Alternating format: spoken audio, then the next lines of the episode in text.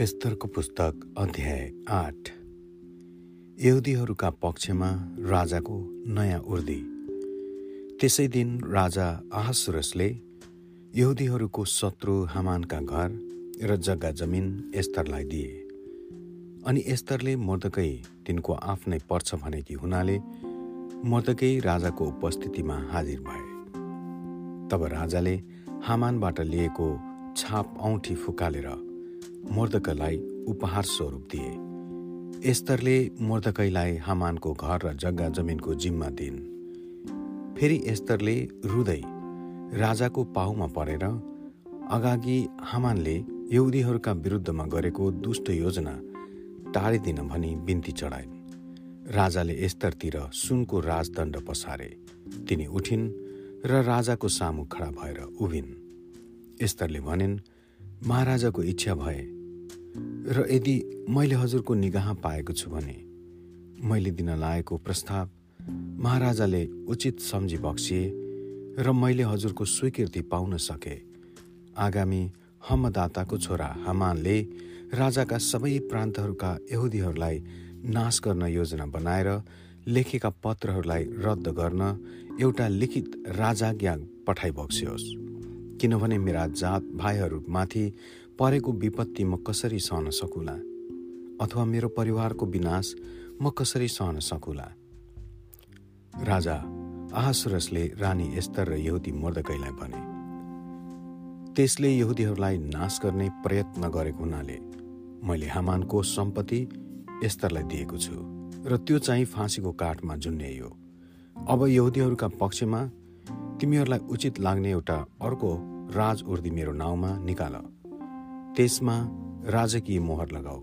किनभने राजाको नाउँमा लेखिएको राजकीय मोहर लगाइएको लिखित पत्र रद्द गर्न सकिँदैन। त्यसपछि तेस्रो महिना अर्थात् सिवान महिनाको तेइसौँ दिनमा राजाका सचिवहरू बोलाइए। मर्दकैले यहुदीहरूलाई दिएको हुकुम बमोजिम भारतदेखि कुशदेशसम्मका एक सय सत्ताइस प्रान्तका बडा हाकिमहरू राज्यपालहरू र भारदारहरूका निम्ति हरेक प्रान्तलाई आआफ्नो लिपिअनुसार र हरेक जातिलाई आफ्नै भाषामा र यहुदीहरूलाई पनि आफ्नै लिपि र भाषामा एउटा लिखित राजाज्ञा निकालियो। मर्दकैले त्यो उर्दी राजा आसुरसको नाउँमा लेखेर त्यसमा राजकीय मोहर लगाए। त्यो उर्दी राजकीय अस्तबलका घोडाहरूमा सवार भएर समाचार वाहकहरूद्वारा पठाइयो।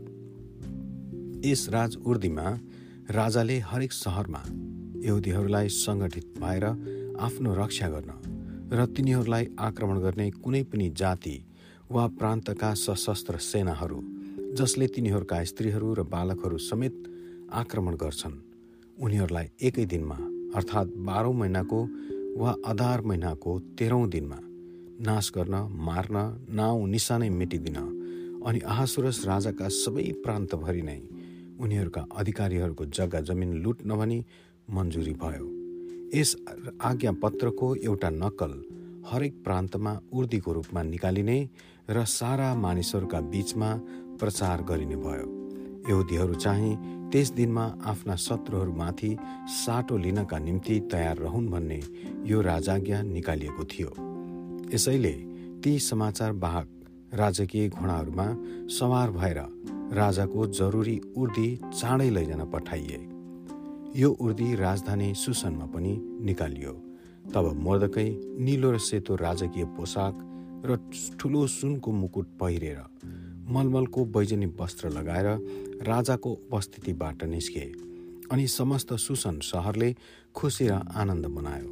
यहुदीहरूका निम्ति चाहिँ यो दिन आनन्द र खुसी प्रसन्नता र इज्जतको भयो। उर्दी पुगेको राजाको हरेक प्रान्त र हरेक सहरमा यहुदीहरूका निम्ति आनन्द र हर्ष भोज र उत्सवको दिन भयो अनि अरू जातिहरूका धेरै मानिसहरू यहुदी भए किनभने यहुदीहरूको डर तिनीहरूमाथि परेको थियो। आमेन।